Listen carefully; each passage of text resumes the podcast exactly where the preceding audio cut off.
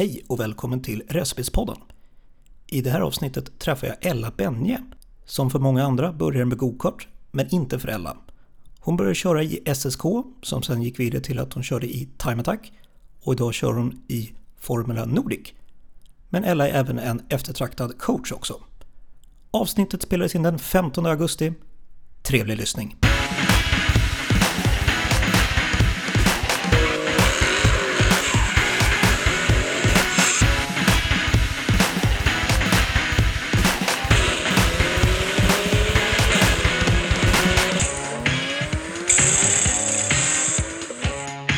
Idag är jag hemma hos Ella Benje i Kerstingbo. Hej hej! Hej, hur mår du? Jo men det är bra. Ja, Det är söndag, ja precis. så det är trevligt. Härligt.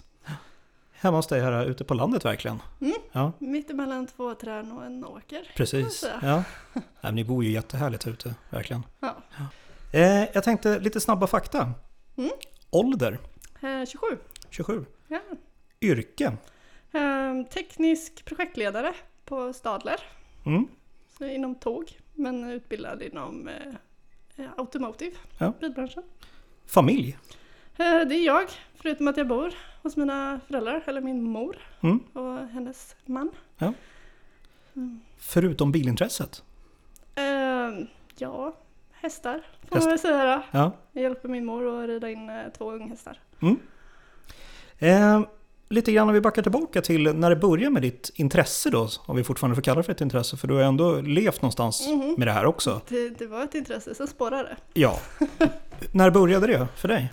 Uh, intresset har väl alltid liksom funnits där hela tiden. Mm. Uh, I och med att min släkt är väldigt, det är en motorsportssläkt.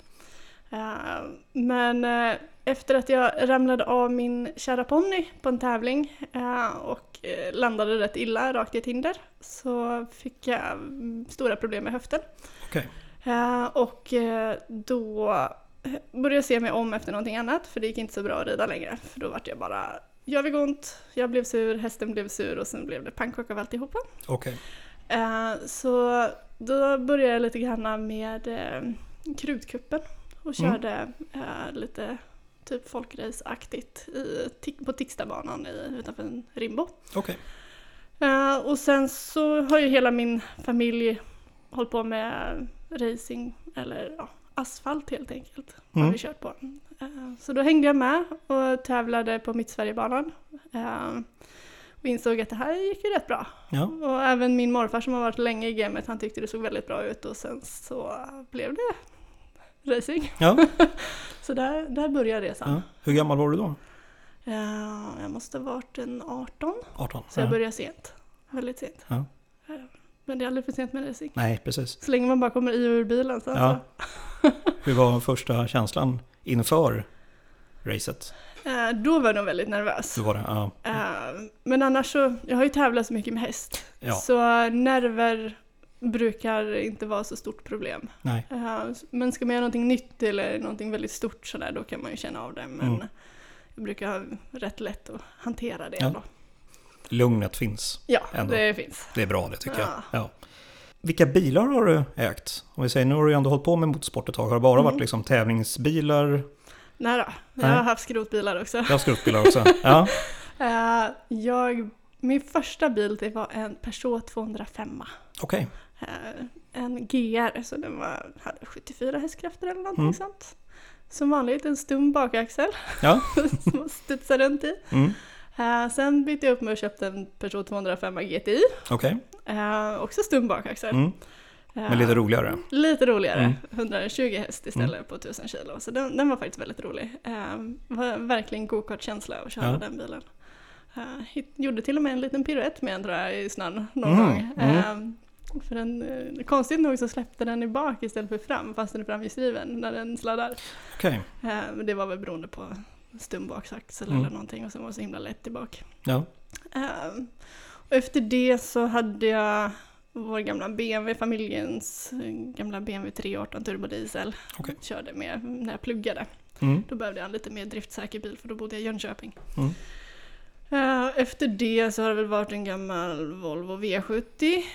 Eh, och sen så nu senast här så köpte jag en Passat TDI för Okej. motion. För Mm. att dra lite tungt med. Ja. Den får ju... Ja, jag kan maxa bilen i alla fall. Mm. Dens dragvikt. Ja. Jag har ju e-körkort så att det, det behövs någonting att dra lite tungt när man kör racing. Ja, såklart. såklart. Ja. Eh, sen har du även haft lite roligare bilar också. Mm. Vad har du Precis. haft för bilar då? då? Eh, min första tävlingsbil var en eh, Golf. En Mm. Golf 5 eh, från 2008. Mm. En före detta JTCC-bil. Just det.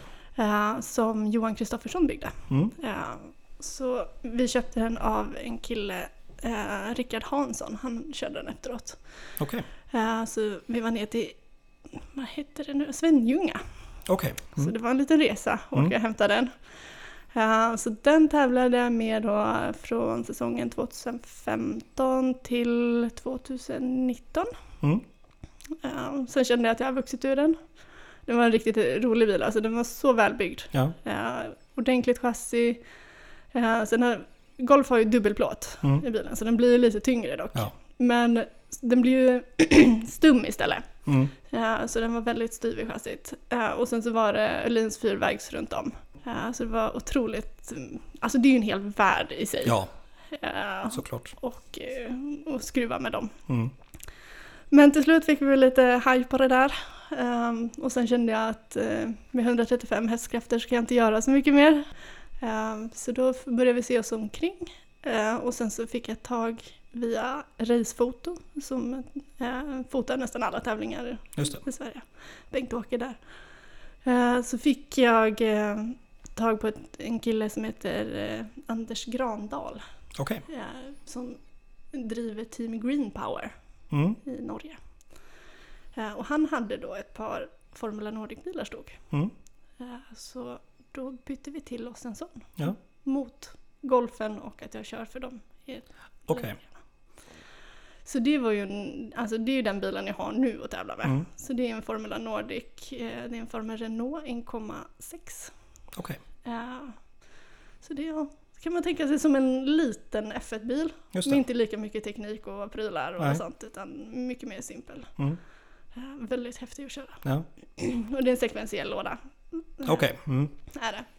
Så golfen hade ju en vanlig standard H-låda Mm. och den här då med sekventiell låda. Så det var väldigt mycket att lära sig förra året kan vi säga. Ja, det förstår jag. Från framhjulsdrivet R-däck och vanlig H-låda till bakhjulsdrivet rätt mycket aero. Mm. Eh, säcklådan där då och slicks. Mm. Och regndäck. Ja. Jag hade aldrig kört på varken slicks eller regndäck tidigare. Okej. Så, och inte använt tekniken för att växla ner på en säcklåda. Okej. Den är lite speciell också. Mm. Ja, så det är de tävlingsbilarna jag har haft. Ja. Drömbil då? Har du någon sån?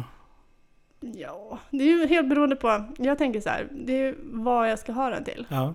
Alltså, ska jag ha den och köra vardagligt och kunna dra lite tungt, ja men då är det väl typ en Amarok eller någonting sånt. Mm.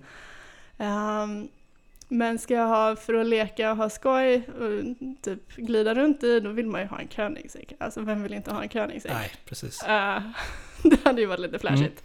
Så en Amarok och en Koenigsegg på ja, ja garageuppfarten. precis, Ja. det hade varit lagom. ja, det förstår jag. Ja. Det känns som en bra vagnpark, Ja, tycker jag. då, då klarar man sig det mesta liksom. Ja. Du kan åka och handla och du kan åka och köra iväg bara på sådana här banträffar och, Precis. och du kan även eh, åka och dra racebilen någonstans. Mm. Bra, tycker jag. Ja. Eh, men du har ju kört i någonting som heter SSK. Mm.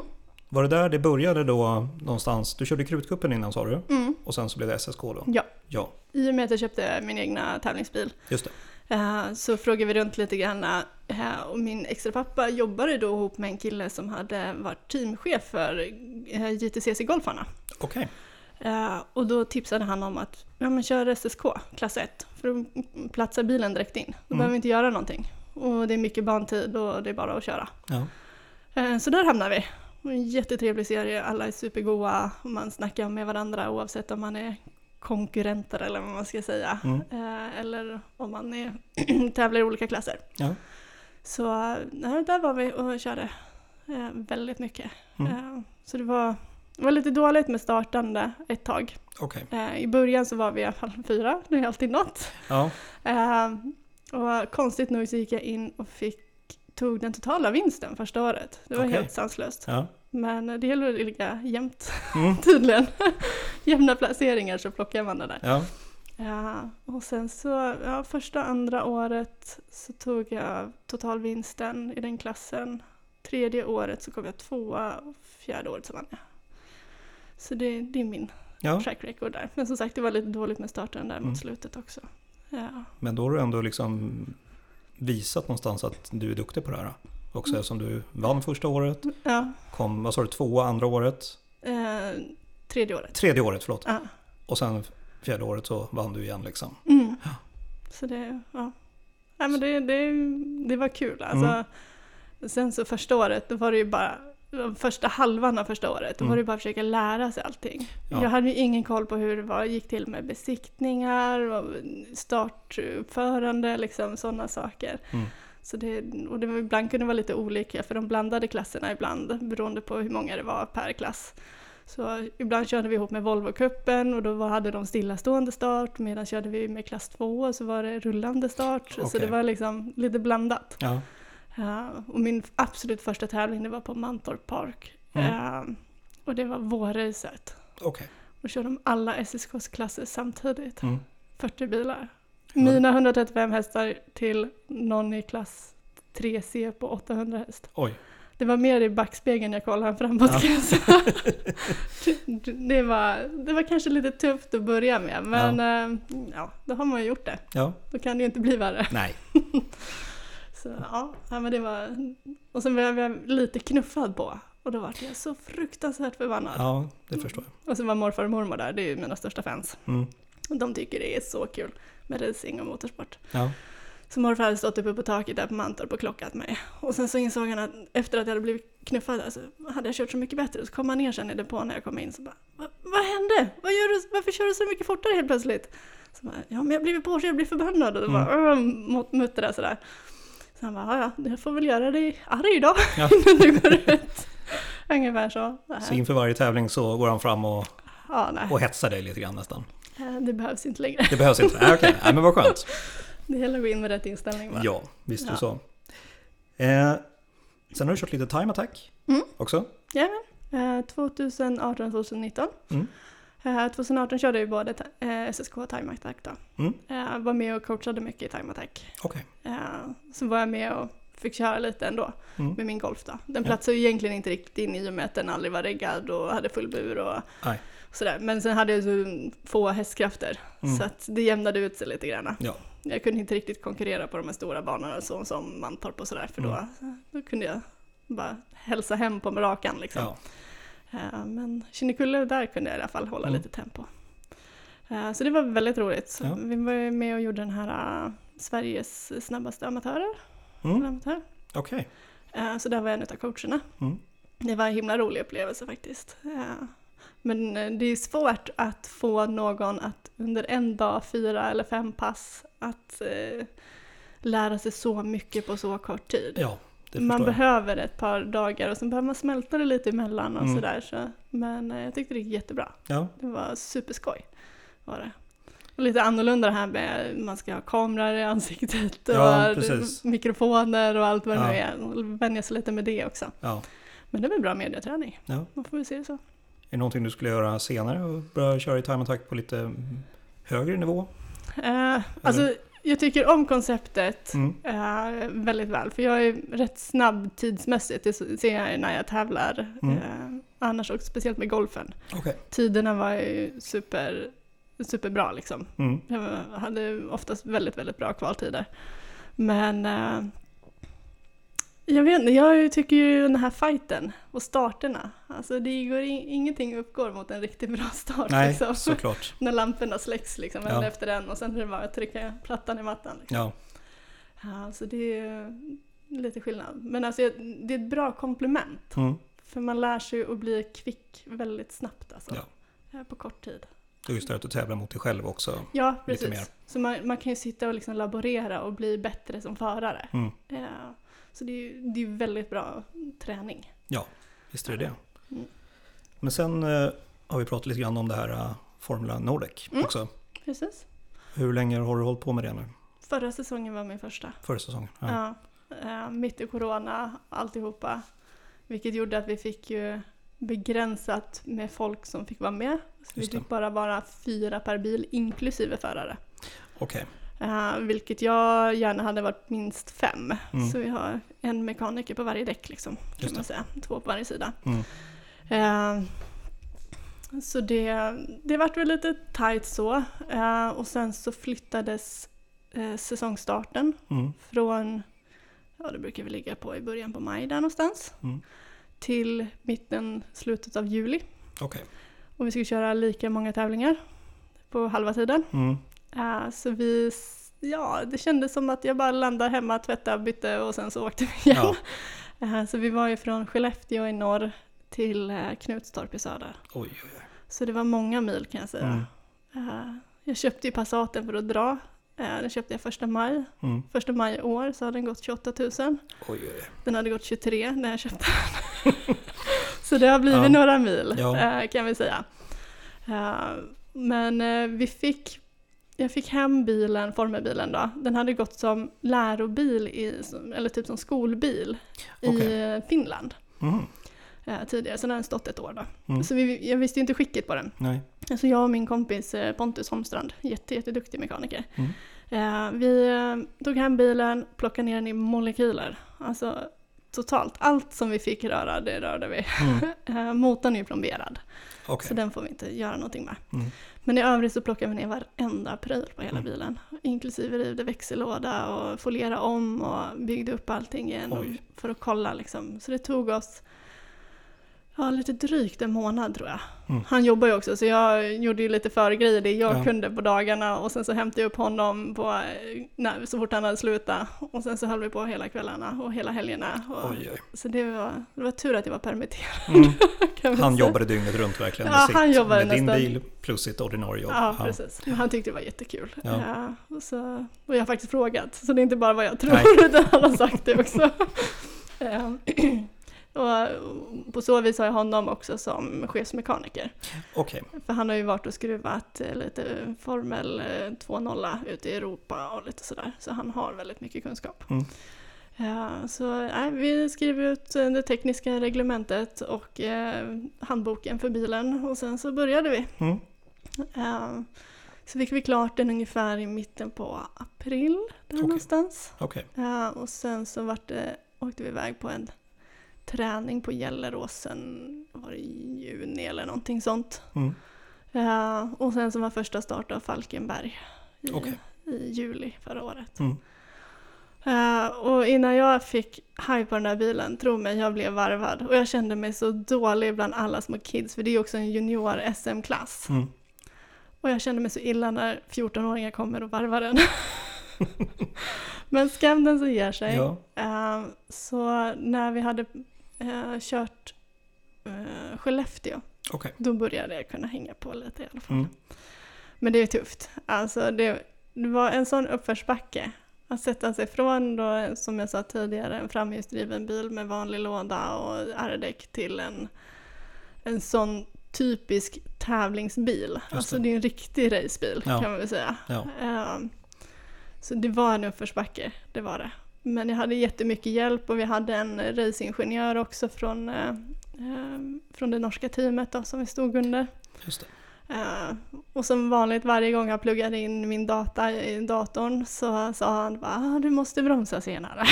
så, men det går inte. Jo det går, Mm. säger han bara. Jag har gjort det själv. Ja, ja, så var det bara bita ihop och försöka. Ja. Eh, Men man har ju lärt sig så mycket mer också. Alltså hela cirkusen och, och följa med med Porsche Cup och, och STCC och hela liksom den cirkusen också. Ja, och det är däcksreglementen och det är bränsle och det är, ja, det är så mycket att kunna. Ja, det är väldigt mycket regler och olika regler för olika typer av bilar Mm. och allt det där. Så det är en djungel, verkligen. Ja, och sen vad man får göra och inte får göra och sen så helt Det plötsligt också. kommer de och säger att nu ska alla bilar byta ECU med varandra. Ja. Jaha, okej, tack Mm. för den. Ja, Och den ligger liksom under stolen längst in uh, bakom batteriet typ. Mm. eh, under tanken. Så bara, ja, japp. Liksom. Ja. Så det, det är mycket Mm. att, att stå i. Men... eh, det är inte bara att köra och ha kul. Nej, Nej. alltså jag brukar ju säga det, jag fick det till mig också, vilket jag har verkligen tagit åt mig, att det är ungefär en 95% att få ihop sponsorer och allting runt omkring och 5% köra. För att få en sån här satsning att gå runt. Just det. Så det roliga är inte så mycket, men vad gör man inte för att få de där 5 procenten efter Precis. vardagen? Ja, Så det, Nej, men såklart. Så är det ju. ja. Men sen har du ju, du har ju nämnt det själv väldigt mycket, det här med coaching. Mm. När började du med det? Eh, Det var väl egentligen när eh, Micke på Time Attack Mm. hörde av sig och sa det, vill du inte coacha lite då? Mm. Eh, Och när jag väl började så insåg jag att jag lär mig ju jättemycket själv också Ja, på att coacha. Så kan jag hjälpa dem som, alltså jag hade ju ändå sedan fem års erfarenhet från SSK. just. Eh, Så då tog jag, var jag med där, coachade lite grann och insåg att ja, men vissa som hade kört kanske ett gäng barndagar och några time attack tävlingar och sen så helt plötsligt så förändrade de och kom ner någon sekund eller så på tiden. Det var jättekul att se. Mm. Så då fick man ju lite blodad tand. Ja, Eh, Så nu ska jag faktiskt iväg helgen om två veckor. Mm. Eh, Den 27-28 eh, augusti. Eh, Och vara med i Time Attack. Mm. Och coacha lite där med. Mm. Igen då. Det har ju gått ett år nu. Ja. Sen jag var med sist. Men eh, min formella säsong tog lite tid kan Mm. man väl säga för mig. Eh, och sen så har jag varit iväg och, eh, och coachat lite grann på Tierp Arena och lite så också. Okej. Ja, så då har jag fått lite bokningar så det är kul Mm. att se att folk uppskattar det. Ja. Det här med, alltså när du coachar folk då. Mm. Hur går, går du in i någon form av lärarroll och liksom verkligen är väldigt pedagogisk eller sitter du med i bilen? Alltså hur går det till? Eh, Det är lite beroende på vad föraren vill också. Okej. Vissa tycker att det är lättare att jag sitter bredvid. Mm.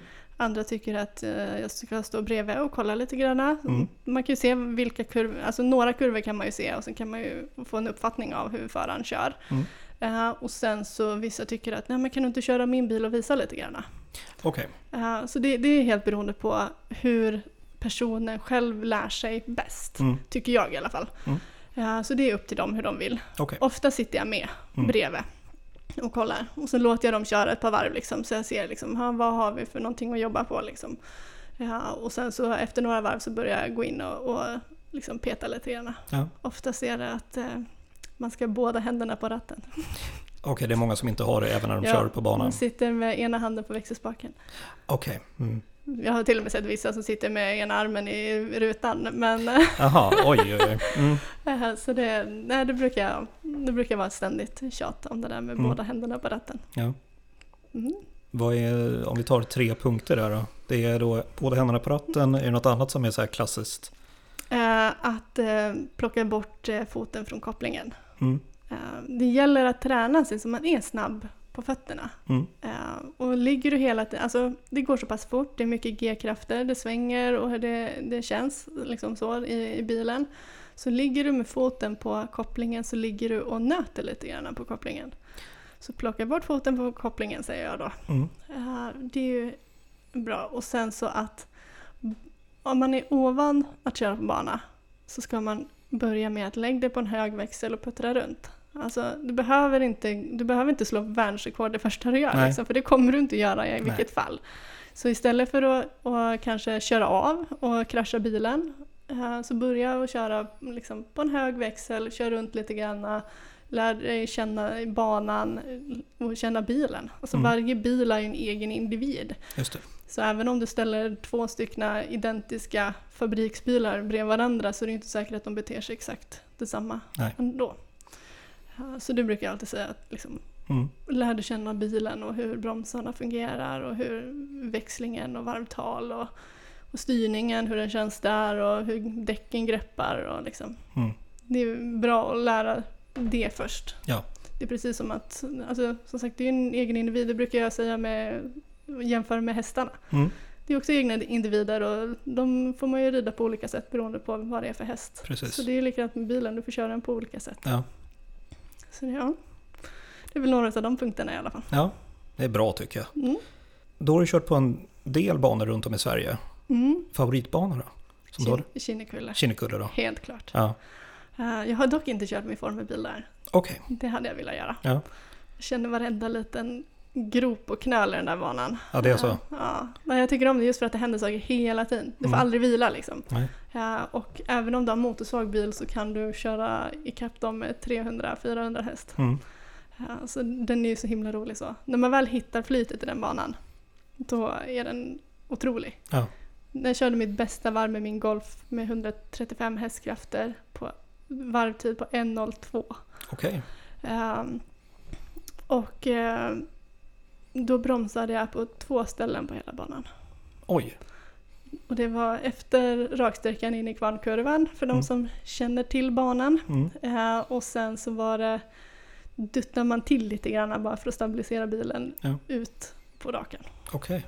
Så det, det är de enda ställena. För Mm. då, sen kunde man bara reglera med gasen. Mm. Och man hittade balansen i bilen helt och exakta spår. Mm.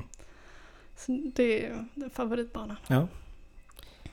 Vad har du för bästa tid med eh, Formulan? Eh, oj, jag vet inte. Nej. På Kinnekulle har jag ju som sagt inte kört. Nej. Uh, Mantorp kommer jag inte ihåg. Det var väl någonstans, vi hade väl... Jag kommer inte ihåg faktiskt Okej. vad vi körde för tider. Jag hade bara fullt upp och lära Ja. mig köra. Det var liksom inte fokus där att lägga, jag ska Ja. få den här tiden liksom. Ja, Nej, precis. det var fokus Men jag att måste lära sig. faktiskt säga att med Mantorp Mm. tyckte jag var skittråkig ärligt sagt med golfen. Okej. För det var så mycket raker och man kom aldrig fram. Alltså jag hade Okej. ju, hann ju läsa igenom eh, lokaltidningen och Mm. dricka en kopp kaffe innan jag var framme. Mm. Um, Medan formelbilen, det här, nu är det en helt annan bana. Ja. Men där, den är ju lite, alltså den har ju, den väger ungefär, ja, vi väger 567 kilo Mm. med förare och minimum 2 liter soppa. Just det. Eh, och vi har 144 häst ungefär. Ja, det är så pass Ja. mycket i den. Ja, Så det, den, det drar iväg. ja det är Eh, klart. Så det blir ju en helt annan skillnad. Mm. Eh, och sen så tror jag den banan passar bakhjulsdrivna bilar lite mer än vad den gör framhjulsdrivna. Okej. Så det, helt plötsligt så fick jag fatta jag tycker lite grann för Mantorp. Mm. Första gången där när du körde den, var du liksom rädd när du satt så öppet i en sån ja, bil om vi säger? Nej, Nej. alltså man sitter ju så pass långt ner i Mm. monokocken. Så att det är egentligen bara huvudet som är ovanför. Ja. Eh, Det jag kände när vi var nere på Anderstorp det var att när jag kom i varvstoppet på femman ungefär, för den raken tar jag, alltså den är oändlig. Mm. Eh, Då började jag känna att hjälmen börjar krypa uppåt. För det blir så mycket Ja. luft liksom. Eh, Så då börjar man känna så här, ah, nu börjar det nog snart bli dags att bromsa. Mm. liksom, så. Men eh, nej, annars så, jag kan inte tycka att jag känner mig rädd. Nej. Alltså det är så mycket säkerhet. Hela Ja. nosen är ju en krockzon liksom. Mm. Och monokocken är ju i kolfiber alltihopa. Mm. Så det, det är så pass hårt material. Så, och sen har man ju, alltså du har ju hjälm och nackskydd och allt vad du nu har. Så nej, nu är det värre att rida häst kan jag Mm. säga. Men du känns väldigt orädd, alltså när du ger dig in i, om vi säger hästsporten eller i bilsport och sådana. Du känns väldigt orädd. Du liksom, det här ska jag testa på, då kör jag. Ja, skiter sig väl när det skiter sig. Ja, Alltså det, det ska man väl inte ta ut i förväg. nej. Nej men många som man har ändå pratat med sådär är ju väldigt försiktiga i början och sådär. Även men om du alltså- är liksom, du har ju koll på det du gör. Mm. Och liksom verkligen, eh, Alltså den enda saken som jag är rädd för, för att krascha, det är ju inte för att göra illa mig. Nej. Utan det är för att det kommer kosta mycket pengar. okej. Mm. Alltså, och den spärren håller jag på att jobba nu rent mentalt på att få Mm. bort liksom, med en mental tränare. Men, men eh, släpper den så kommer det ju nog inte vara något problem. Nej. Men alltså jag är uppväxt bland grabbar. Ja. Så det är liksom, häng med eller Mm. stanna hemma liksom. Mm. Så det är bara att hänga på. Alltså. Ja. Sen får man ju vara värst liksom. Ja. Man kan ju inte låta grabbarna köra Nej, nej, precis. Det går ju inte. Så det, det är bara att köra sig Ja. Eh, Du pratade lite grann inom din morfar också Mm. sysslat med. Vad körde han för någonting? Uh, morfar har inte kört jättemycket själv. Han var kartläsare åt sin bror. Okej. Så de körde ju Midnattssolsrallyt något år. Det var väl, det måste vara 70-80-tal kanske Okej. där någonstans. De kom tvåa i någon klass vet jag. Mm. Men uh, morfar han är ju åksjuk. Och han var kartläsare. Så han Oj. hängde ju typ halva sträckan utanför fönstret. Det är ingen jättebra kombo med kartläsare Nej. och sjuk. Nej, precis. Ehm, så eh, hans bror Willy då, han kollade Mm. på teleledningarna. Så han visste vart vägen tog vägen. Ah, den är ju smartare. Ja, Mm. precis. Då när det gick. Ja, Nu är precis. allting nedgrävt. Exakt. Men eh, på den tiden gick det. Mm. Eh, men sen så har ju han hjälpt eh, väldigt mycket kartförare. Okej. var på min morbror och moster. Mm. Så de var ju uppe och körde på junior-VM-nivå i gokart. På, det måste ju varit 80-90-tal där någonstans. Mm. Och moster hon tävlade ihop med Michael Schumacher och gänget. Så Jaha. hon eh, slog honom en gång i kart. Oj, Ja, så det är lite rolig historia. det förstår jag. Ja. Ja. Eh, Så att hon har varit med, jag måste, alltså det är ju lite av min idol, Mm. eh, min moster. Ja. Ehm, och att hon på runt 80-tal, det var inte många tjejer som höll på med motorsport på den tiden. Nej, det var ju en handfull. Ja men precis, och att hon krigade sig liksom genom och så som nästan ensam tjej hela Mm. tiden. Det var väl bara ett fåtal kvinnor i Sverige som höll på med någon form av motorsport. Eh, men att hon var ute på ute i hela världen och körde. Ja.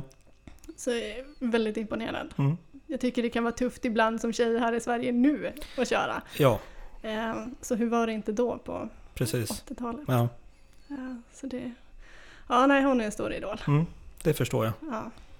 Dina tre bästa tips när du är coach, vad skulle du säga är det? Du har ju i och för sig droppat tre stycken Mm. här, så att, men om vi säger liksom när du kliver in och ska ha en grupp på tio personer säger vi. Mm. Vad är de tre när du som står med en hel grupp där då? Eh, För det första, som tidigare, man börjar lugnt. Mm. Alltså det är ingen idé att stressa fram någonting. Då Nej. sker bara olyckor. Man Mm. kör av och, och så här. Eh, och sen så, ja, det är väl det mest standarda. Ta det lugnt, lär känna bilen. Eh, och man ska inte börja pusha gränser förrän man känner sig bekväm. Mm. Eh, för inte förrän då kan man börja pusha och se hur långt bilen klarar. Mm. Eh, för de, du måste ju veta gränserna av bilen. Ja, såklart. För det är det jag har kvar till exempel nu Mm. med formelbilen. Jag vet inte dens gränser och inte riktigt mina gränser i den Nej. bilen heller. Eh, Men till exempel golfen hade jag ju fullständigt koll på vad den klarade av Mm. i grepp och så. Just det. Eh, nej men och sen så att man ska ut och ha kul. Ja. Alltså det är väl det hela. Varför Precis. gör vi det här? Jo, för att det är kul. Mm. Eh, och det blir inte kul om det kraschar. Nej. Så ta det lugnt och ha lek. Ja. Liksom. Lev livet. Precis. Eh, jag har någonting jag kallar för snabba fakta. Mm. Motorljud eller stereoljud? Motorljud. Coacha eller köra? Köra får det nog ändå bli. Däck eller fälg? Eh, däck. Formelbil eller karossbil? Mm, den var tuff. Alltså det är ju båda. Formelbilen är ju cool alltså. Det är en häftig bil. Mm. Eh, men jag har inte riktigt lärt mig att mastra den ännu. Men karossbil, där är jag vass. Ja, Så jag vet faktiskt inte. det blir delad eh, Ja, det får nog vara en 50-50 på den. 50-50. alltså. Ja. Ja. Eh, du nämnde din moster som en idol för dig verkligen. Mm. Ja. Vill du berätta mer om henne? Ja, ehm, hon eh, höll ju på då med go-kart. Mm. Sen eh, gick hon över och körde lite standardbil. Mm. Eh, då körde hon Lady Lancia Cup, tror jag den hette. Okej. Eh, på början av 90 där. Ehm, 90-talet. Ja, det var ju en tjejserie, så det var bara tjejer som körde. Mm. Uh, jätteroligt. Hon var väl uppe och nosade där på, på pallen, har jag Ja. för mig. Hon, hon stod säkert ett par gånger där också. Eh, men eh, tyvärr så fick hon uh, livmoderhalscancer.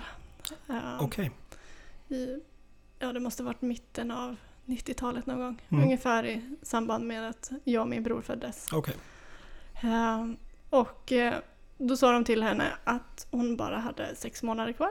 Mm. Eh, men hon höll ut hela 16 år innan hon gick bort. 16 år? Ja. Oj. Eh, hon gjorde allt från ja, vanliga cellgiftsbehandlingar Ja.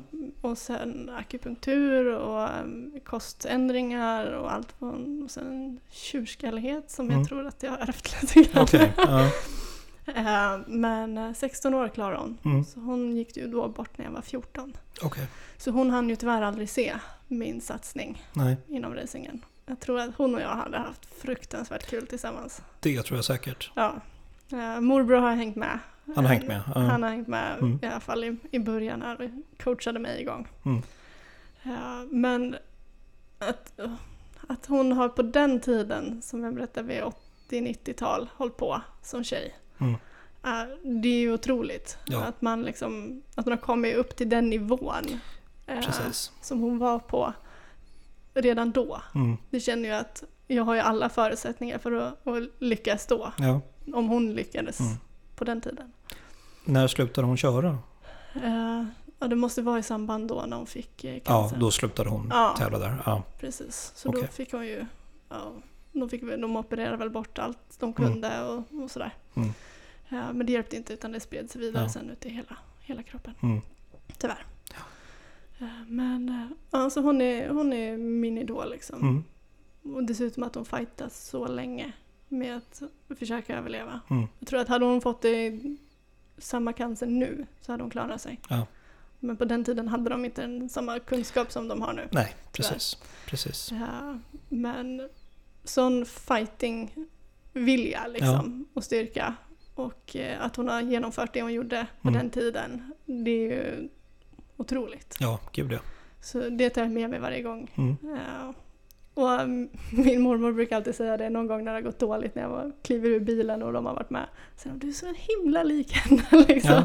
Så det, ja, det är lite skönt på något sätt. ja. Hon Så då kan man verkligen se ett samband där med att du är väldigt orädd. Då har du fått det från din moster det här med att du Ja. ger järnet liksom. Ja, men jag tror det. Ja. Alltså, ehm, hon och hennes man, det var liksom, han var inne och lagade mat medan hon, hjälpte, hon skruvade bilarna. Liksom. Okej. Mm. Så det var tvärtom där, Ja. eller vad man nu ska se det. Mm. Ehm, så, ja, jag, hon är min idol på många sätt. Mm. Alltså, så som hon levde livet och eh, viljan, viljestyrkan hon hade. Och att hon eh, tävlade i motorsport långt före många andra. Mm. Eh, innan, ja, innan många andra tjejer fick upp Ja, ögonen. precis. Mm. Har du träffat någon sån här som hon har tävlat med som, som du har träffat på någon annan tävling? Vi har träffat på många som vet vem hon är. Okej, Um, alltså jag har ju inte samma namn. Det är Ågren-släktet. okej. Eh, eller ja, släktet, hur man nu ska säga. Men Mm. de heter Ågren. Mm. Eh, det är på mammas sida då. Så vi har fått namn Benje efter min, min far. Okej. Eh, och eh, när, man säger, när de frågar så här, ja men hur kom du in på det här? Ja men via familjen liksom. Mm. De ah, säger de. Då liksom, de- Då förstår de varför Ja. jag håller på. Ja. Eh, de som har varit med länge då. Mm. Ja, sen så, jag vet att de körde mycket ihop med Bolinarna, de som hade Karlskoga, Gelleråsen förut. Okej. Ja, så- så det, de är välkända inom racingen. Mm. Det gäller ju bara att man själv ska leva upp till namnet. Ja. Du känner lite press kanske? Eller? Nej, Nej. alltså de har gjort vad de gjorde. Ja, Sen får jag göra det jag gör. ja såklart. Alltså, och alla tycker att jag går ju helt fel väg. Jaså, jag, jag skulle ju börjat med karting och sen Aha, så skulle jag gått mm. för formelbil och sen kanske standardbil om Ja. jag inte hade kommit vidare. Men jag har gjort helt tvärtom. Mm. Så jag började med standardbil, sen gick jag till form, Mm. formelbil och sen så tränar jag lite kart nu med brorsan. Liksom. Ja. Så det, ja, nej jag går åt fel håll. Mm. Men vem säger att det behöver vara på ett visst På ett visst sätt? håll, nej Ja. precis, exakt. Nej men vad kul, tycker Mm. jag. Vad, vad hette moster? Eh, Annika Ågren. Annika. Vi kallar henne för Atti. Jag vet inte varför, men det var väl när jag och min bror var små. Så Mm. vart det något sånt. Så Atti. Nej men Mm. vad fint, tycker jag. Mm.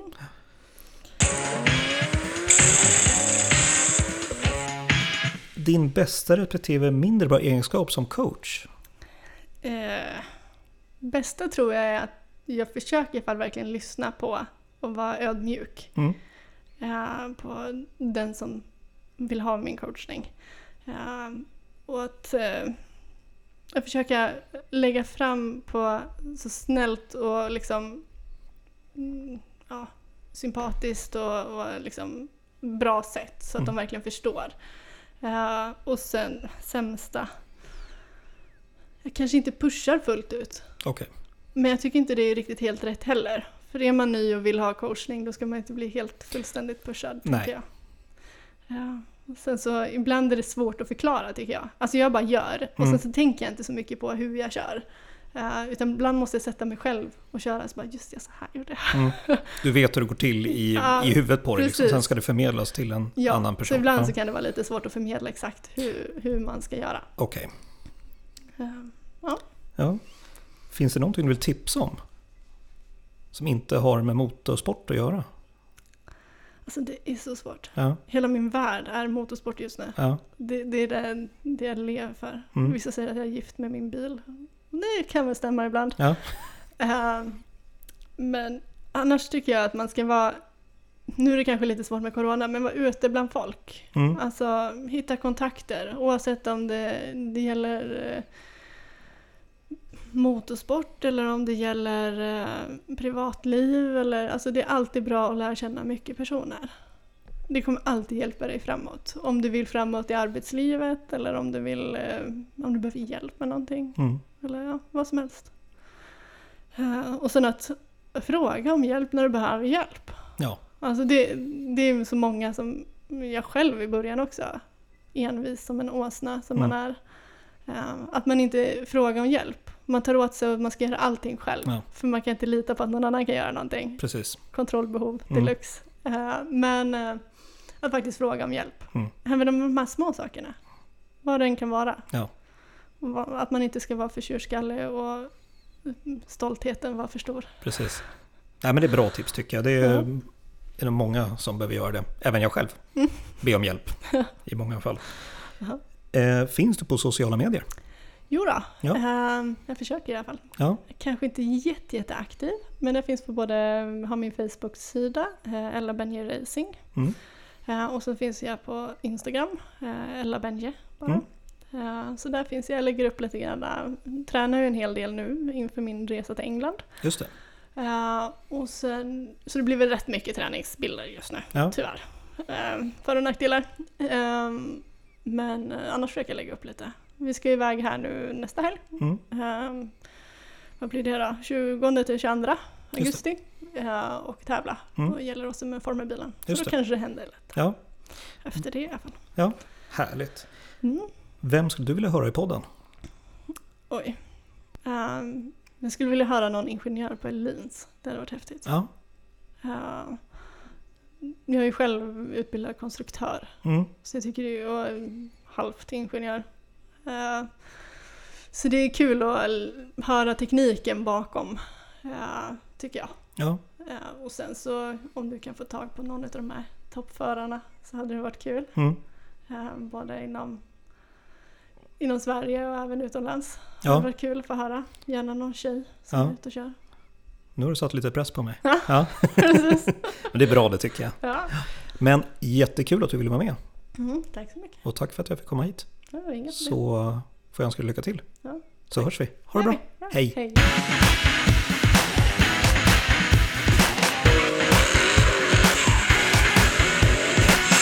Där har ni veckans avsnitt med Ella Benje.